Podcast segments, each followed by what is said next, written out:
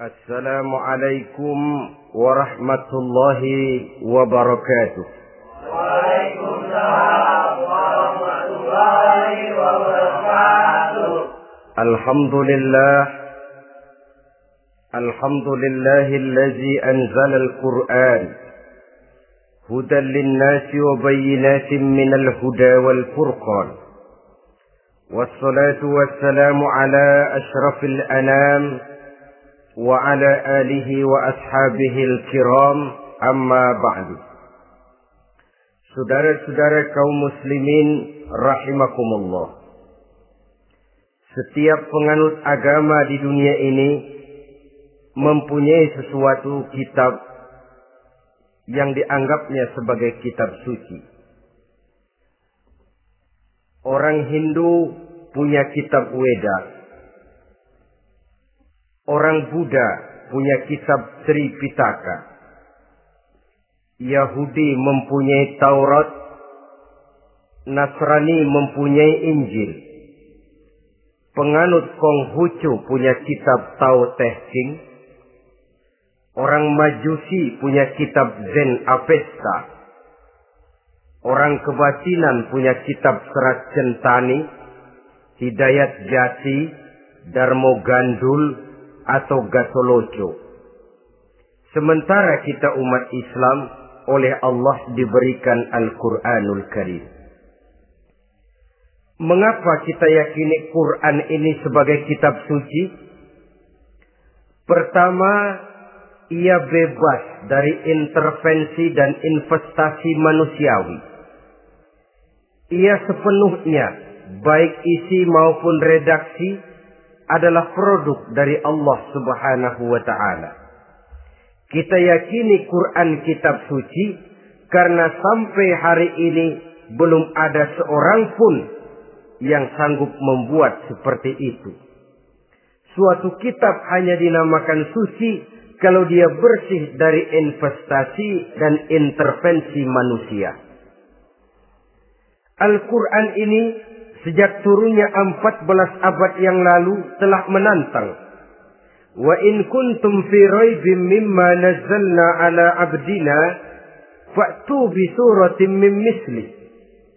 Apabila kamu ragu-ragu terhadap kebenaran Quran yang kami turunkan kepada hamba kami Muhammad atau kamu menyangka Quran itu cuma bikinan Muhammad saja, cobalah kamu buat satu surah saja semacam Al-Quran. Apabila kamu tidak mampu melakukannya seorang diri, wada'u syuhada'akum, ajak seluruh teman-temanmu. Sejak tantangan ini turun 14 abad yang lalu, sampai hari ini, tidak seorang pun yang sanggup membuat satu surah saja semacam Al-Quranul Karim. Ah, barangkali belum pernah ada yang coba-coba. Sudah. Di antaranya apa yang dilakukan oleh Musailamah Al-Kazab. Dia mencoba membuat satu surah semacam Al-Quran. Yang kalimatnya sudah berbentuk bait-bait syair. Tapi isinya jauh panggang daripada api.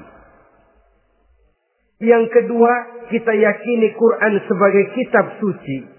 Karena isi dan ajarannya sesuai dengan fitrah manusia. Suatu kitab dinamakan suci kalau ajarannya sejalan dengan fitrah manusia.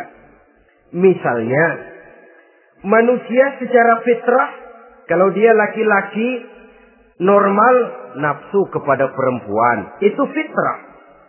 Perempuan suka kepada laki-laki. Itu fitrah. Kalau ada kitab suci, tapi melarang manusia untuk kawin, kesuciannya perlu diselidiki. Quran kitab suci sejalan dengan fitrah manusia, maka ia menganjurkan manusia yang mampu untuk melangsungkan perkawinan. Contoh lain, secara fitrah manusia perlu makan. Kalau ada kitab suci yang melarang manusia puasa saja siang malam terus menerus, itu kan sama juga nyuruh orang mati. Quran sesuai dengan fitrah manusia. Maka dalam Islam puasa wisol, puasa ngableng apa itu istilahnya. Puasa nyambung, Dari pagi sampai sore, sampai malam, sampai pagi lagi puasa terus. Bukan saja tidak boleh, malah haram hukumnya. Kenapa? Itu bertentangan dengan fitrah manusia. Yang ketiga kita yakini Quran sebagai kitab suci karena isinya tidak kontroversil. Isinya tidak saling bertentangan satu sama lain. Di ayat mana pun Quran mengajarkan Allah itu Esa.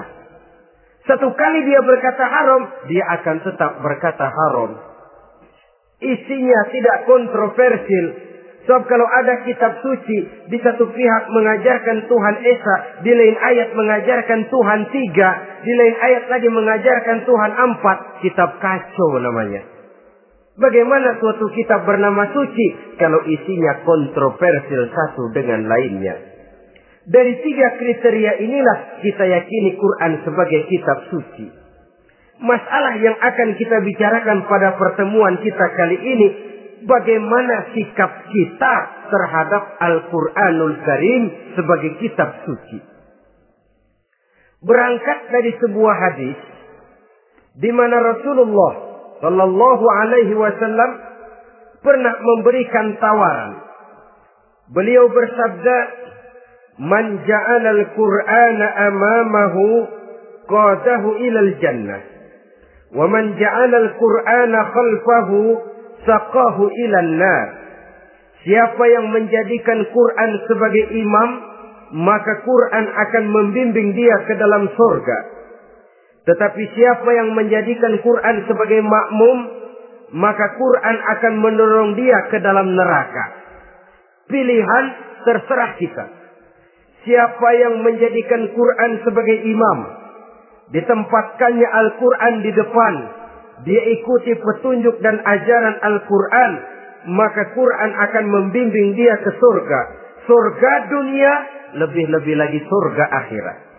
Tetapi sebaliknya, siapa yang menempatkan Quran di belakangnya, dia belakangi Al-Quran, dia belakangi perintah dan ajaran-ajaran Al-Quran, dia perturutkan hawa nafsunya dalam kehidupan ini, maka Quran akan mendorong dia ke dalam neraka.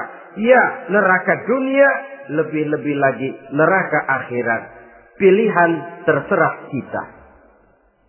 Saya mau tanya, kira-kira Quran dalam hidup kita jadi imam apa jadi makmum? Imam apa makmum? Kalau Quran jadi imam, Artinya kita umat Islam jadi makmum. Resiko dan logika tentu. Makmum harus ngikuti imam. Imam takbir, makmum takbir. Imam ruku, makmum ruku. Imam sujud, makmum sujud. Imam tahiyat, makmum tahiyat. Itu namanya Quran jadi imam, kita jadi makmum. Artinya dalam terjemahannya pada kehidupan, kalau merah kata Quran, merah kita kata. Hijau kata Quran, hijau kita bilang. Ke barat kata Quran, ke barat kita pergi. Ke timur kata Quran, ke timur kita berangkat. Halal kata Quran, halal kata kita. Haram kata Quran, haram kita bilang. Itu Quran imam, kita makmum. Nyatanya kadang-kadang kontras nyatanya kadang-kadang paradok. Merah kata Quran, hijau dong kata kita. Halal kata Quran, ah remeng-remeng kata kita. Ke barat kata Quran, ke timur kita pergi. Dalam praktek kita mau jadi makmum, Quran kita suruh jadi imam. Kita sesuaikan Quran dengan selera kita. Mana-mana ayat yang menguntungkan, mana ayat yang sesuai dengan mau kita, itu yang kita baca kuat-kuat. Itu yang kita canangkan ke tengah masyarakat ramai. Tapi manakala Quran itu bertentangan dengan nafsu kita. Bertentangan dengan gaya dan kepribadian kita. Kita umpetin itu Quran. Kalau kita cuma umpetin lumayan. Kadang-kadang kita tuduh Quran ketinggalan zaman. Kita anggap Quran tidak relevan lagi dengan situasi dan kondisi. Kalau sudah begitu, sudah menyeberang terlalu jauh namanya.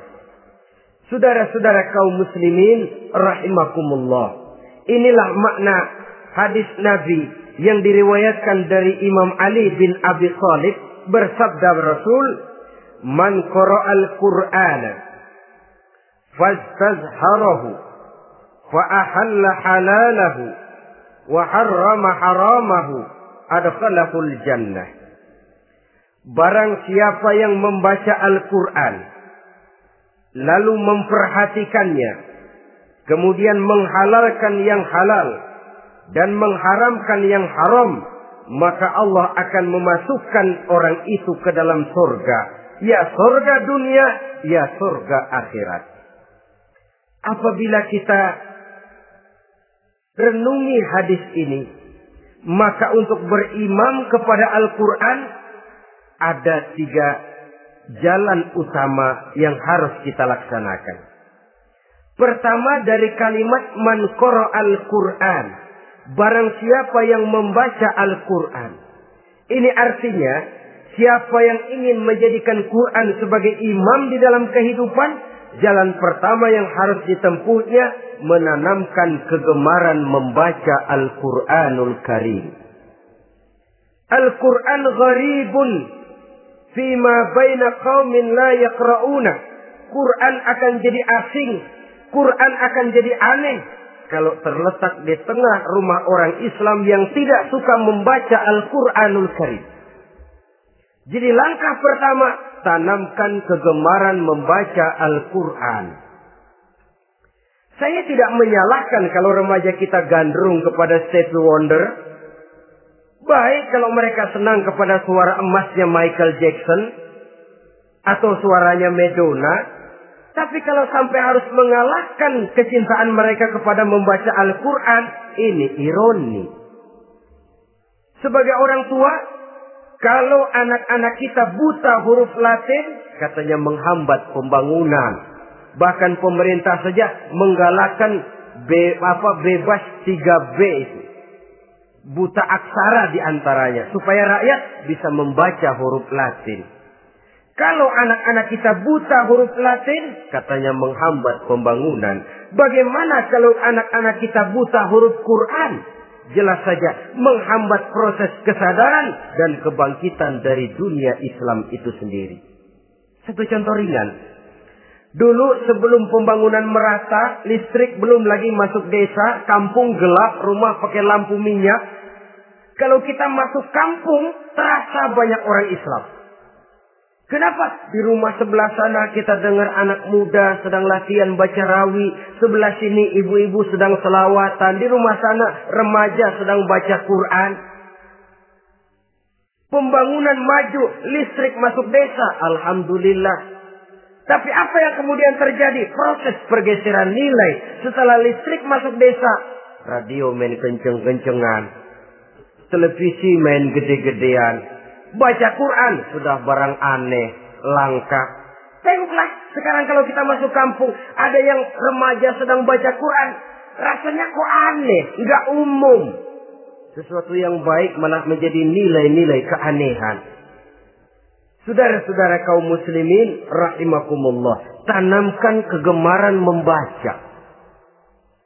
Dalam satu hadis Nabi pesan, "Nawiru buyutakum bitilawatil Qur'an." Sinari rumah tanggamu dengan bacaan Quran. Sebab listrik ini cuma bisa menerangi gelap, tapi tidak akan sanggup menerangi hati manusia. Quran produk Allah dibaca dalam segala keadaan tepat dan pantas. Lihat saja, orang sedih baca Quran terhibur. Orang gembira baca Quran tidak lupa diri. Di rumah mewah ada yang baca Quran, bagus. Di kubu kreot di pinggir kali ada yang baca Quran, cocok. Orang kawin dibacakan Quran, bagus. Orang mati dibacakan Quran, tidak jelek. Dalam segala keadaan, in all season, bahasa kerennya, dia pantas dibaca. Saudara-saudara, bahkan orang sakit gigi pun kalau dengar baca Quran, tidak marah. Coba lihat. Dia senang benar lagu Michael Jackson, tapi giliran sakit gigi. Coba setelin lagu Michael Jackson kalau nggak mencah-mencah. Kamu gila apa nggak tahu saya lagi sakit gigi? Tapi coba bacakan Quran. Dia pasti tidak marah. Begitu besar daya pengaruhnya. Bahkan Abu Jahal sama Abu Lahab pernah rapat. Kata Abu Jahal sama Abu Lahab, Mas Lahab. Gini loh mas. Kenapa? Ini saya pikir-pikir salah satu yang menyebabkan kenapa saudara kita banyak ikut ajaran Muhammad. Mereka kalau sudah dengar bacaan Quran terpesona. Jadi kita blokir saja. Caranya gimana? Kasih pengumuman kepada Quraisy, jangan sekali-kali mau dengerin Muhammad baca Quran. Kamu juga jangan. Dan kamu, saya pun begitu. Mari kita janji, tidak mau dengar bacaan Quran. Salaman. Pulang ke rumah masing-masing. Dapat satu hari tahan. Dua hari bertahan. Tiga hari. Seminggu ke atas. Abu Jahal mulai ada semacam rindu. Kangen pengen dengar ayat Quran. Karena secara pribadi dia mengakui keindahan gaya bahasanya jauh lebih tinggi dari kemampuan penyair Quraisy. Isi ajarannya sangat dalam dan menyentuh segi-segi kehidupan manusia. Gak tahan Abu Jahal kayak dikin-dikin hatinya. Keluar rumah mindik-mindik, umpet-ngumpet. Ngempet di rumah Nabi. Pengen dengar Nabi baca Quran. Rupanya Abu Lahab sama. Pikir Abu Jahal, Abu Lahab gak bakalan keluar. Abu Lahab berpikir, Jahal pasti di rumah. Dua-duanya bareng berangkat ke rumah Nabi. Cuma yang satu dari sebelah barat, yang satu dari sebelah timur. Ngempet, ngempet, ngempet. Ketemu di sudut, sama-sama kaget. Jahal, loh kamu lahap? Iya. Kamu ngapain? Lah kamu ngapain? Akhirnya sama-sama malu. Sama-sama tidak bisa menahan diri. Akhirnya sama-sama ngakuin. Bagaimanapun kita harus akui bahwa Al-Quran ini mengandung daya pesona yang sangat luar biasa. Itu dari segi bacaan. Belum lagi dari segi ajaran, belum lagi dari segi isi. Tanamkan kegemaran membaca Al-Quran. Sampai-sampai Nabi katakan, Innal lazi laisa fi jawfihi syai'um minal Quran kal baitil kharib. Orang yang dari tenggorokannya belum pernah keluar ayat Quran barang sepotong pun, belum pernah ngaji barang seayat pun, itu orang kata Nabi kal baitil kharib, kayak rumah kosong. Rumah kan kalau kosong biar bagus, mewah, besar, perabotannya lengkap. Kalau kosong, angker. Setan kuntilanak memedi betah benar di situ. Saudara-saudara kaum muslimin rahimakumullah. Dalam satu percontohan Nabi mengatakan begini. Masalul mu'minil ladzi yaqra'ul Qur'an kama salil utrujah. Rihuha tayyibun wa ta'muha murr wa ta'muha tayyibun. Orang mukmin yang suka membaca Quran adalah ibarat buah utrujah. Baunya wangi, rasanya lezat. Kira-kira kalau di negeri kita buah apa utrujah itu? Semacam jeruk yang manis lah. Sudah baunya wangi, rasanya enak. Itu buah itu. Orang mukmin yang suka baca Quran kayak buah itu. Baunya wangi, rasanya enak. Artinya syiarnya hidup, isinya memang orang mukmin. Sebaliknya, wa masalul mu'minil ladzi la yaqra'ul Qur'an kama tamrah la rihalaha wa ta'muha. Orang mukmin yang tidak suka baca Quran kayak korma. Rasanya emang manis, cuman kagak ada baunya. Artinya apa? Siarnya kurang. Kalau orang belum tapi kenal kan kagak mau makan kurma. Kenapa? Nggak ada baunya. Daya tariknya kurang walaupun rasanya enak. Kalau daya tariknya nggak ada, kan nggak nggak ada iklannya, tidak ada siarnya. Itu orang mukmin yang tidak suka membaca Quran. Ibarat buah nggak ada baunya walaupun rasanya enak. Orang kurang tergerak, kurang siar, kurang daya tarik. Sebaliknya, wa masalul munafiq allazi Qur'an kama salir raihana. Rihuha thayyibun wa. Orang munafik yang suka baca Quran seperti buah roihana. Apa itu? Baunya wangi, rasanya pahit. Orang munafik baca Quran kayak buah itu. Baunya sih enak, cuman rasanya pahit. Ya munafik baca Quran. Siarnya sih lumayan, daya tariknya hebat, isinya munafik. Nah, paling jelek orang munafik yang nggak suka baca Quran. Wa masalul munafiq allazi la yaqra'ul Qur'an kama salil hanzalah. Laisa laha rihun wa ta'muha murrun. Orang munafik yang tidak suka baca Quran seperti buah hanzalah. Sudah enggak ada baunya, rasanya pahit lagi. Kalau buah, buah pacek kali. Udah baunya kagak ada, kalau dimakan bikin orang celeng. Saudara-saudara kaum muslimin rahimakumullah. Tanamkan kegemaran membaca Al-Qur'an karena membaca Al-Qur'an merupakan ibadah yang besar. Bahkan kata Nabi, afdalu ibadati abdi qiraatul Qur'an. Nilai ibadah yang paling baik dari hambaku adalah ibadah membaca Al-Qur'an. Dalam sholat pahalanya lebih besar di luar sholat daripada di luar sholat. Dengan wudhu pahalanya lebih besar daripada tanpa wudhu. Mengerti pahalanya lebih besar daripada tidak mengerti. Tapi tidak mengerti pun jangankan membaca, mendengar saja orang baca Quran dengan baik. Sudah didoakan untuk mendapat rahmat. Berpahala mendengar bacaan Al-Quran. Walaupun tidak mengerti. Apalagi membaca sendiri. Apalagi mengerti apa yang kita baca. Tentu pahala itu akan jauh lebih besar. Ini yang pertama. Tanamkan kegemaran membaca Al-Quranul Karim. Yang kedua, dalam hadis tadi, fastazharohu. Man al-Qur'ana fastazharohu. Siapa yang membaca Al-Quran kemudian memperhatikannya. Jadi kalau kita mau berimam kepada Al-Quran, setelah menanamkan kegemaran membaca, yang kedua perhatikan. Pahami isinya. Jangan seperti monyet pakai mahkota, ketawa girang, cengengesan, tapi dia tidak tahu arti kebesaran mahkota yang disandangnya. Bangga dengan Al-Quran, tapi apa kandungannya kita tidak mengerti. Untuk memahami Al-Quran ini, caranya bagaimana? Tentu mudah saja. Seperti contoh, kalau kita ingin mengerti caranya bikin tahu, jangan bertanya kepada montir mobil. Montir mobil ahli betul urusan mesin. Tapi kalau urusan tahu, tanya dong tukang tahu. Untuk mengerti rahasia dan seluk-beluk Al-Quran, kita harus bertanya kepada orang yang memahami seluk-beluk Al-Quran. Para ulama, para kiai, para ustadz. Yang kita tahu kualitas keilmuannya, kita yakini loyalitas dan integritasnya kepada Islam ini. Kenapa?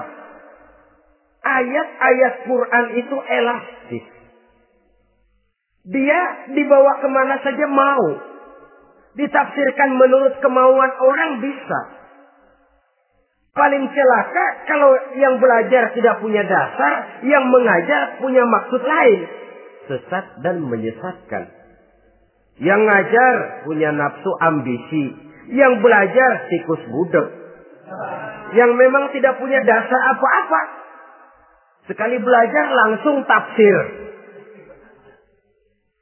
Cara wudhu yang baik saja belum ngerti. Cara ruku dan sujud yang baik saja belum bisa. Yang membatalkan sholat apa ndak bisa, ndak ngerti. Sekali langsung. Ndak, supaya kita langsung saja belajar langsung Al-Quranul Karim. Tidak jelek. Cuma akan lebih baik kalau sebelumnya ada unsur penunjang dari nilai-nilai keilmuan dalam Islam ini. Di sinilah perlunya menghidupkan majelis-majelis taklim.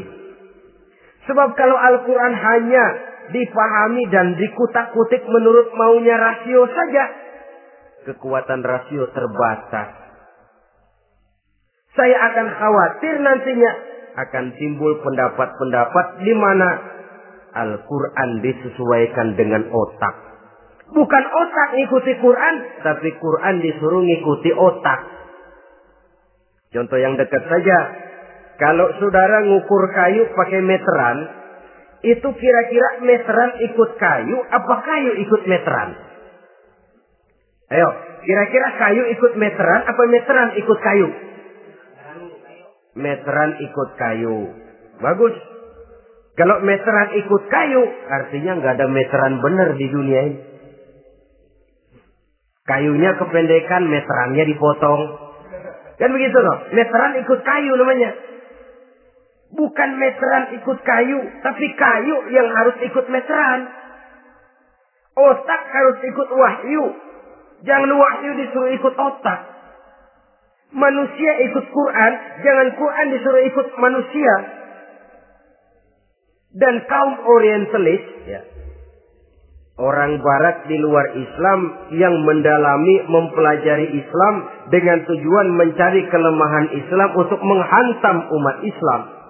Itu sengaja mencari ayat-ayat yang mereka kumpulkan untuk menghantam umat Islam.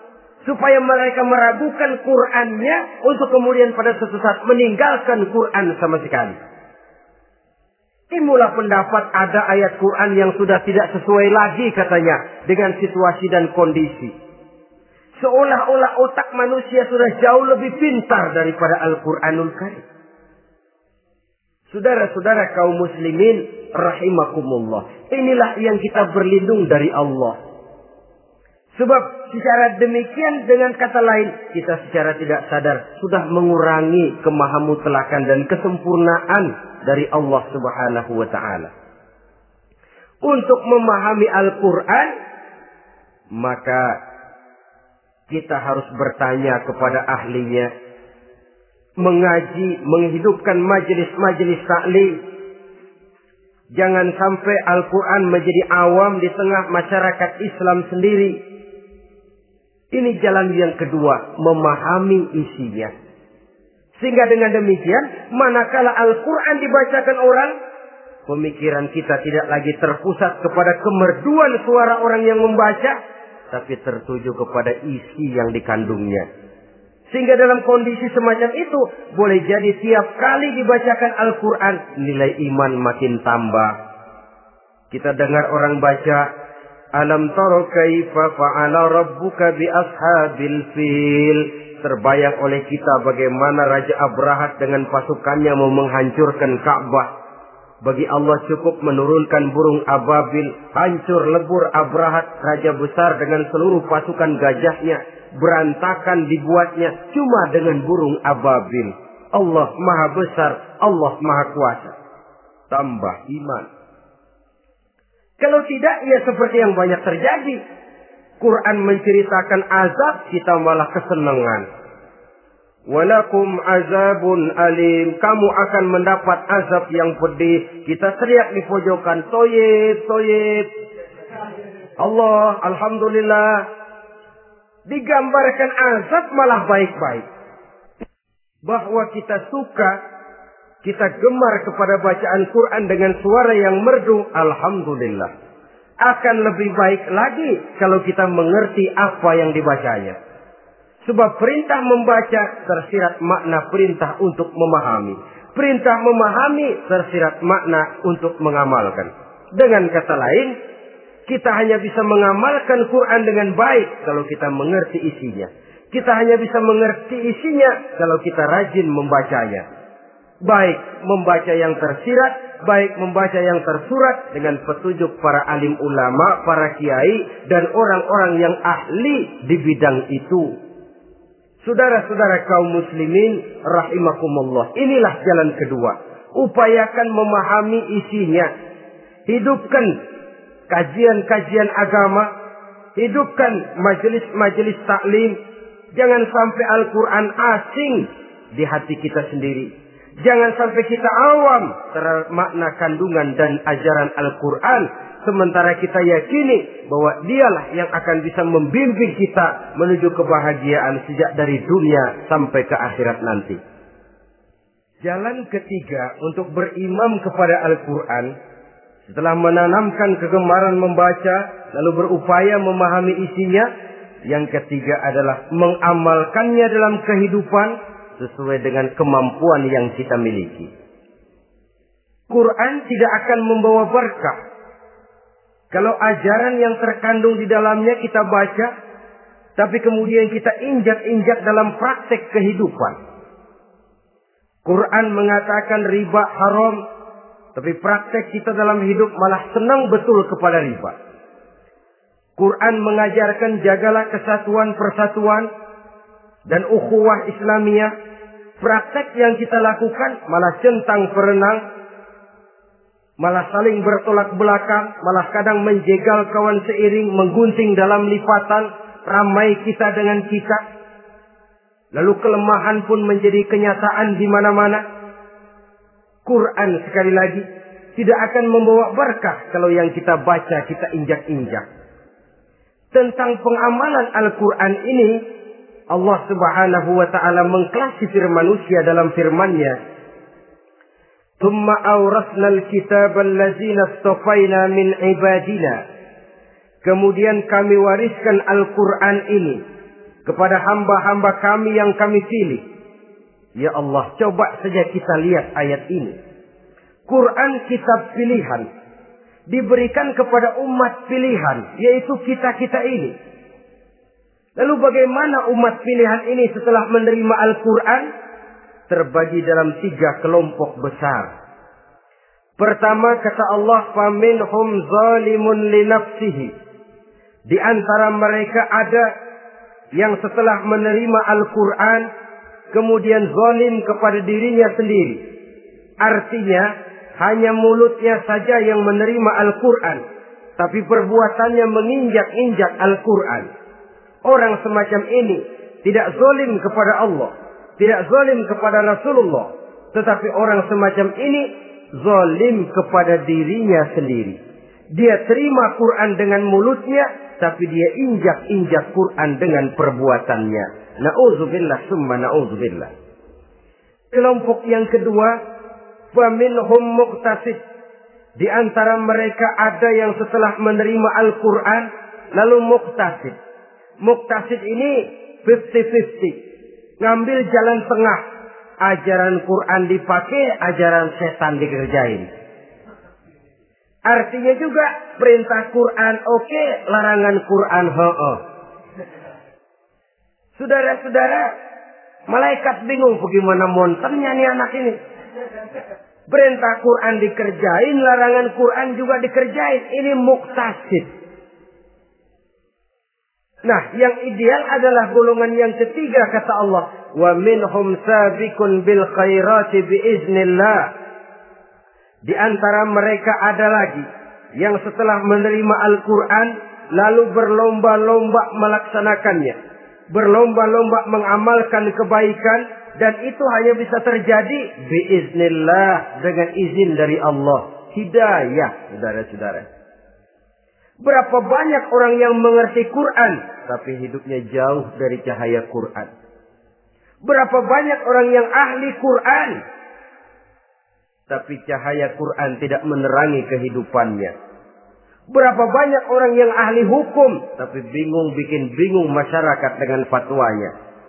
Saudara-saudara kaum muslimin, kenapa bisa terjadi? Itu tidak ada hidayah, tidak biiznillah, tidak ada izin dari Allah.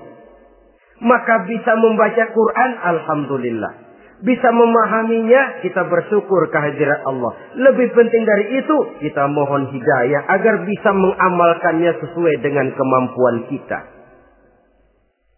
Saudara-saudara kaum muslimin rahimakumullah. Mana yang lebih banyak di zaman kita sekarang ini? Kita bisa analisa. Ada yang menerima Quran hanya dengan mulutnya saja. Kalau ditanya, Tuhanmu siapa? Allah. Kiblatmu mana? Ka'bah. Saudaramu siapa? Umat Islam. Kitab sucimu apa? Quran. Kamu bisa baca? Enggak. Ya, kalau cuma enggak bisa baca barangkali kadang-kadang Quran saja pun tidak punya. Ini yang ironi, ini yang menyedihkan. Saudara-saudara kaum muslimin rahimakumullah tanpa melaksanakan konsepsi Al-Quran di dalam kehidupan, maka kesenangan kita membacanya, pengertian kita tentang Al-Quran barangkali tidak akan bisa berbuat terlalu banyak di dalam kehidupan. Maka sekarang ini sudah ada terjemahan Quran dalam bahasa Indonesia, dalam bahasa daerah, dalam bahasa Inggris, Belanda, bahkan Jerman, yang masih harus terus dan selalu ditingkatkan terjemahan Quran di dalam kehidupan. Dengan kata lain, kita umat Islam menunggal dengan Quran kita.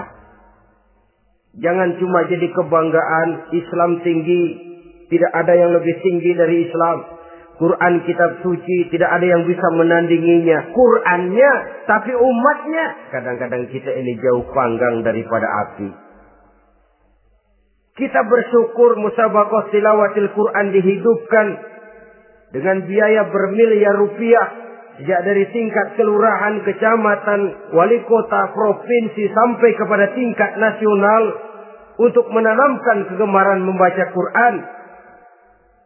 Setelah itu hendaknya diadakan peningkatan dengan upaya memahaminya. Sehingga pada suatu saat boleh kita adakan musabaqah pengamalan Quran.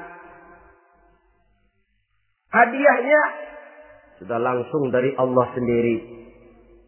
Ini yang kita perlu berlomba. Berlomba mengamalkan ajaran Quran. Sabikun bil khairat. Berlomba mengamalkan ajaran-ajaran Al-Quranul Karim.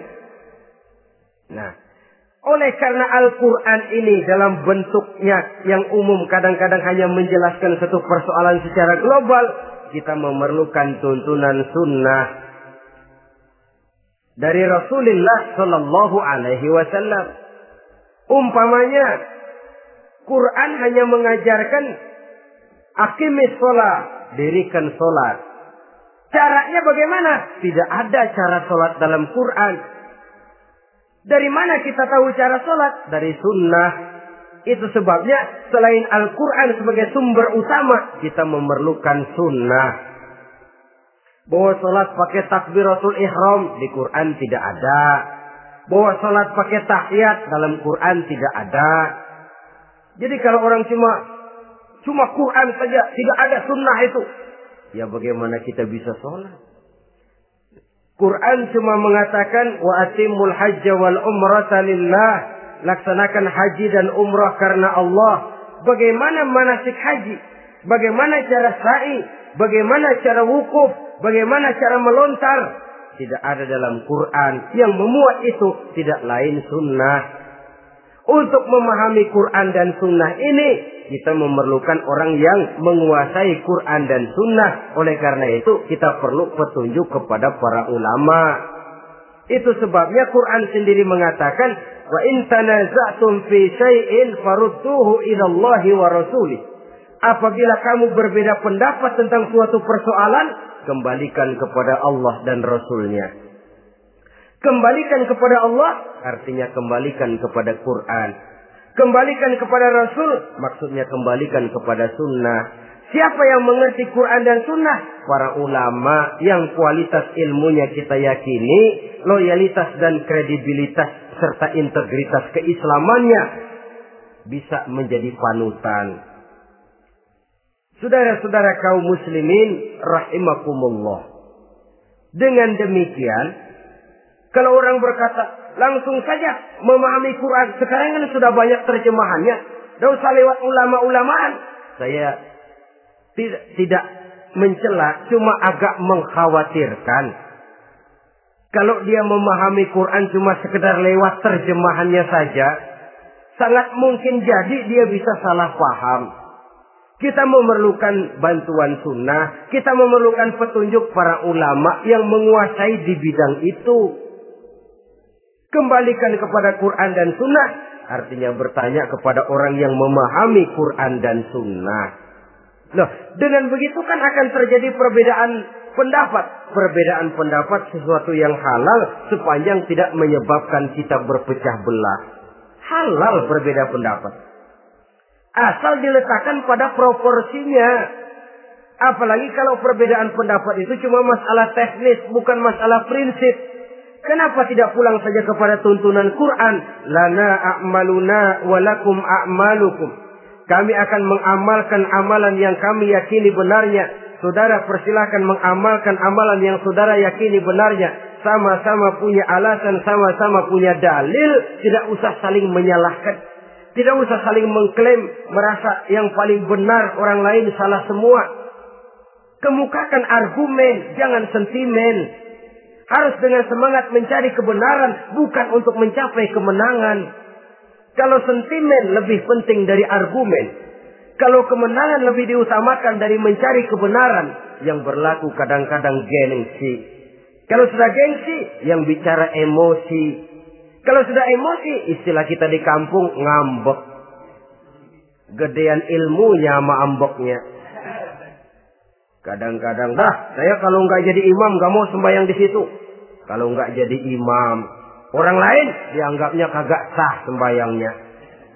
Oh pokoknya kalau nggak ngaji sama saya Islamnya kurang benar. Mengklaim. Perbedaan pendapat wajar, halal, asal tidak menyebabkan kita berpecah belah. Dan sewajarnya kita lebih berusaha mencari titik pertemuan.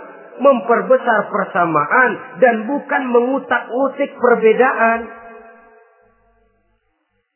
Kadang-kadang inilah penyakit kita nih. Satu kunut, satu tidak sembahyang subuhnya. Bisa RT.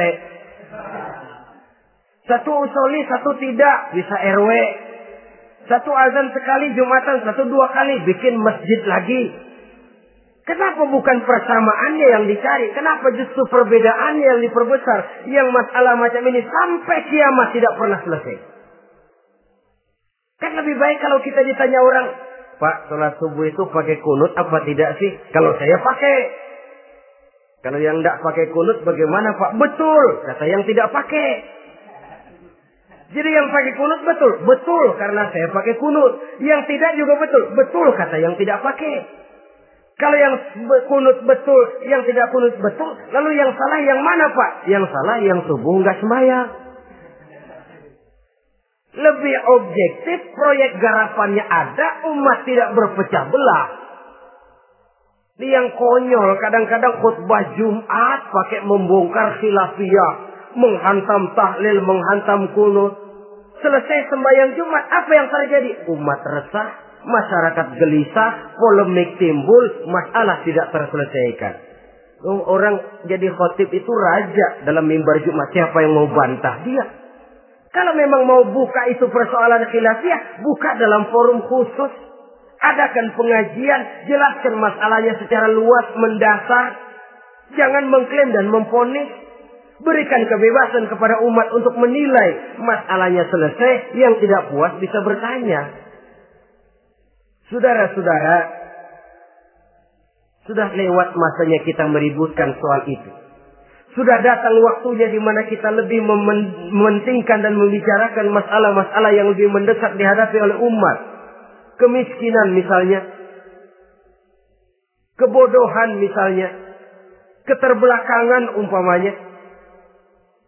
Peluang untuk mendapatkan pendidikan yang layak bagi anak-anak kita yang berotak cerdas tapi tidak punya kemampuan ekonomi umpamanya itu akan lebih objektif ketimbang kita membicarakan masalah-masalah yang sampai kiamat tidak akan pernah selesai. Yang hanya akan menyebabkan kita menjadi lemah, persatuan koyak, solidaritas sosial lalu menurun, saling curiga menjadi tumbuh karenanya, dan pada akhirnya kita tidak akan pernah bisa berbuat banyak. Untung kalau tidak menjadi tertawaan bagi orang yang berdiri di luar pagar. Saudara-saudara kaum muslimin rahimakumullah. Sekali lagi, Al-Quran tidak akan membawa berkah kalau yang kita baca kita injak-injak. Oleh karenanya, untuk berimam kepada Quran ini, sekali lagi pertama tanamkan kegemaran membaca. Yang kedua, upayakan memahami isinya melalui bimbingan orang yang ahli bidang itu. Yang ketiga, amalkan sesuai dengan kemampuan. Sebab itu ada prinsip kalau isi suatu hadis nampaknya bertentangan dengan otak, kesohehan hadis itu boleh diperiksa. Tapi kalau ayat Quran nampaknya bertentangan dengan otak, otaknya yang harus diperiksa. Jangan Qurannya lalu disesuaikan dengan otak.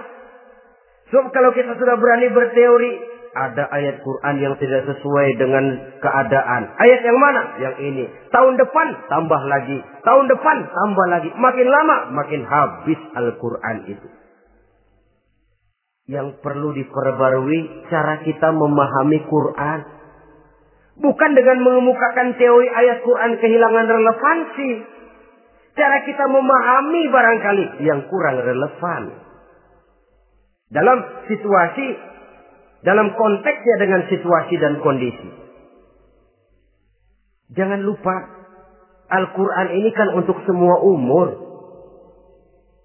Dia bisa dipahami secara filosofis, dia bisa dipahami dengan kacamata orang awam. Tingkat kemampuan berpikir orang tidak semuanya sama. Kalau semua orang kita mau ajak berfilsafat, merenung dalam-dalam, menerawang tinggi-tinggi, ialah buat mereka yang terjangkau oleh perguruan tinggi. Tapi buat saudara-saudara kita, pedagang-pedagang kecil, petani di desa-desa terpencil, remaja-remaja yang jauh dari sentuhan teknologi canggih, sanggupkah mereka berpikir filosofis? Sementara mereka merupakan bagian terbesar dari kondisi umat ini. Saudara-saudara kaum muslimin, oleh karenanya ditentang membaca, memahami dan mengamalkan Rasulullah Shallallahu Alaihi Wasallam pernah memberikan sugesti. Beliau bersabda, In aratum aisas suada, apabila kamu menginginkan kehidupan yang bahagia, hidup seperti hidupnya orang-orang yang bahagia dan tentu ini keinginan kita semua. Wa mautas syuhada dan menginginkan mati sebagai matinya para syuhada, para pahlawan pembela agama, orang yang mati syahid. Wah ini sudah tidak duanya ini. Hidup mulia, mati syahid. Dapat dua-duanya. Wan najasa yaumal hasri dan ingin mendapat keselamatan pada hari hasar, hari pengumpulan manusia di padang mahsyar wazilla yaumal hari dan mendapat perlindungan dari Allah pada hari yang sangat panas wal huda minad dan mendapat petunjuk dari kesesatan. Nah, ini keinginan semua orang. Kan yang kita cari apa sih? Hidup bahagia. Biar ndak kaya asal bahagia. Sudah enak. Lalu apa lagi? Matinya sebagai syahid Kemudian di hari pengumpulan nanti mendapat keselamatan. Lalu pada saat orang lain kepanasan kita mendapat perlindungan. Kemudian orang lain kebingungan kita mendapat petunjuk. Kalau ini yang diinginkan kata Nabi resepnya fa'adimu qiraat al-Qur'an. Maka lazimkan, biasakan olehmu membaca Quran. Tidak ada terlambat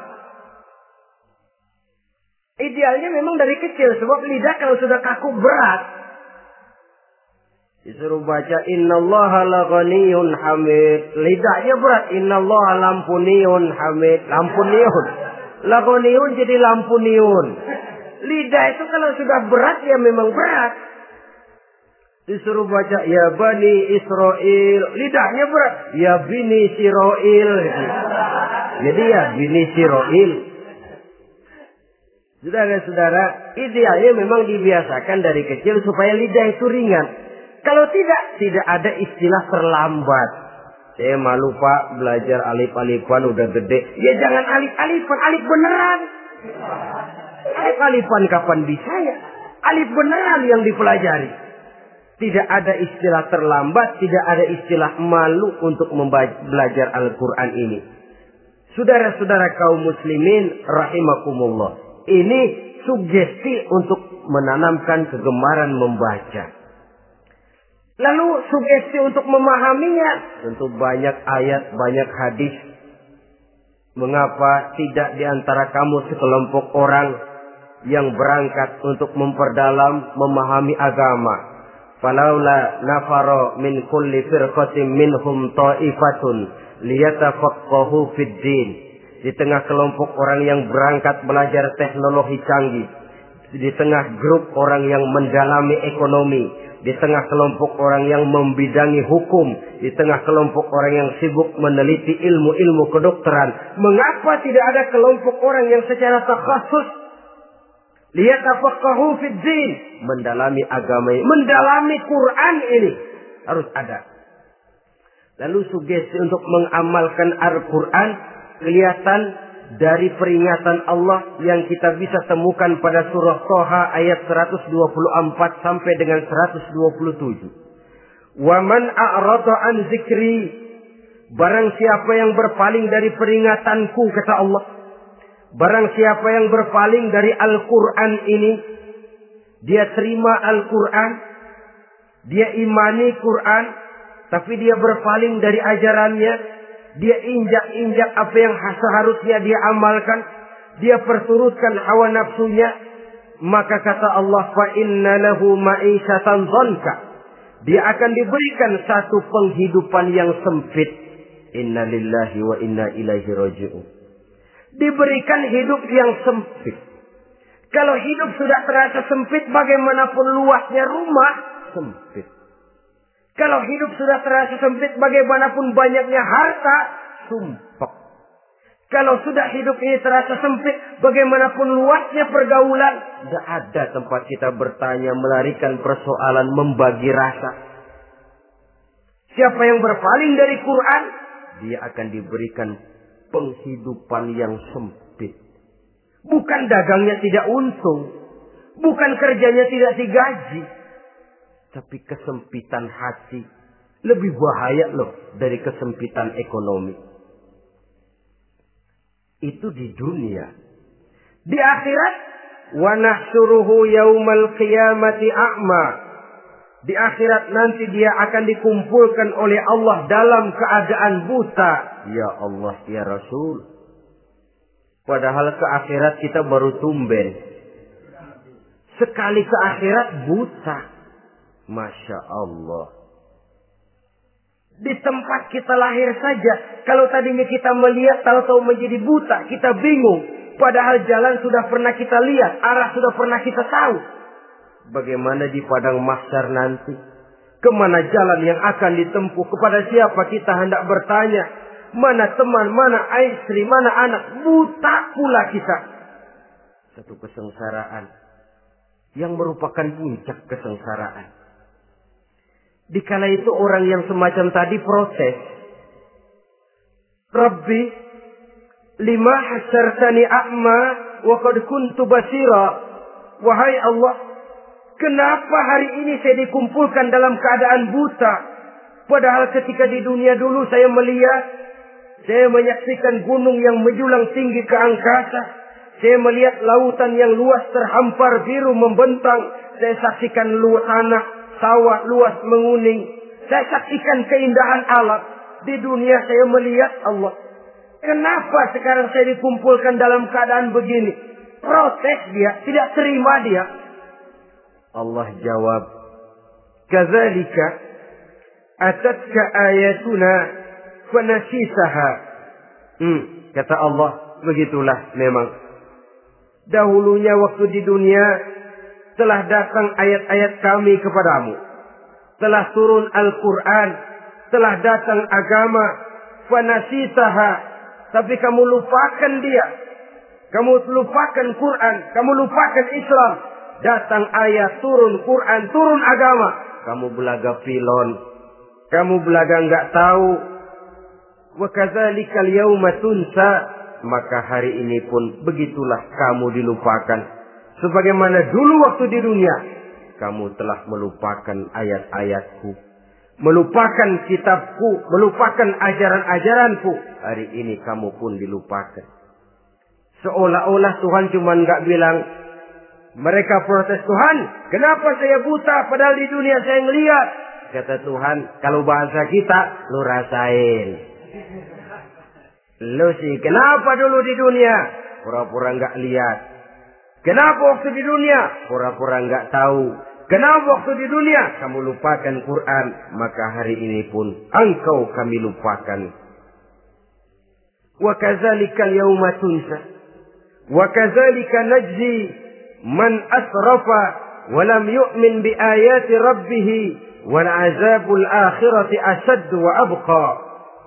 Demikianlah kami membalas orang yang berlebih-lebihan, orang yang melampaui batas dan tidak mau beriman kepada ayat-ayat Tuhannya dan sungguh siksa akhirat itu lebih dahsyat dan lebih kekal. Siksa dunia mungkin kelaparan, kekurangan ekonomi, kekurangan pakaian, tapi berapa hari paling lama seumur manusia? 70 tahun umur kita, ya paling lama begitulah. Tapi siksa akhirat, kesengsaraan akhirat, kesengsaraan neraka, asyaddu wa abqa, lebih dahsyat dan lebih kekal. Di zaman sekarang orang bukan cuma berbuat potong kompas, berpikir pun potong kompas. Berpikir pun ngambil jalan pintas. Dia lebih memilih kesenangan yang sedikit dengan mengorbankan kesenangan yang abadi. Dia mengejar surga yang sebentar dengan menghancurkan surga yang kekal. Dicarinya surga dunia, hidup cukup, rumah bagus, makan bagus, pakaian bagus, istri bagus, dengan menghalalkan segala macam cara, berpaling daripada kehidupan agama, lalu menginjak-injak Al-Quranul Karim. Kita berlindung kepada Allah. Jangan sampai dimasukkan dalam kelompok yang di akhirat nanti dibangkitkan dalam keadaan buta. Na'udzubillah summa na'udzubillah. Di sini kita terkesan dengan apa yang dikatakan Said Muhammad Abduh. Al-Islam mahjubun bil muslimin. Kebesaran Islam kadang-kadang tertutup oleh tingkah laku umat Islam sendiri keluhuran dan kesempurnaan Al-Quran tertutup oleh kebodohan umat Islam. Sedangkan untuk mengungkapkan rahasia Al-Quran ini diperlukan keahlian yang kompleks.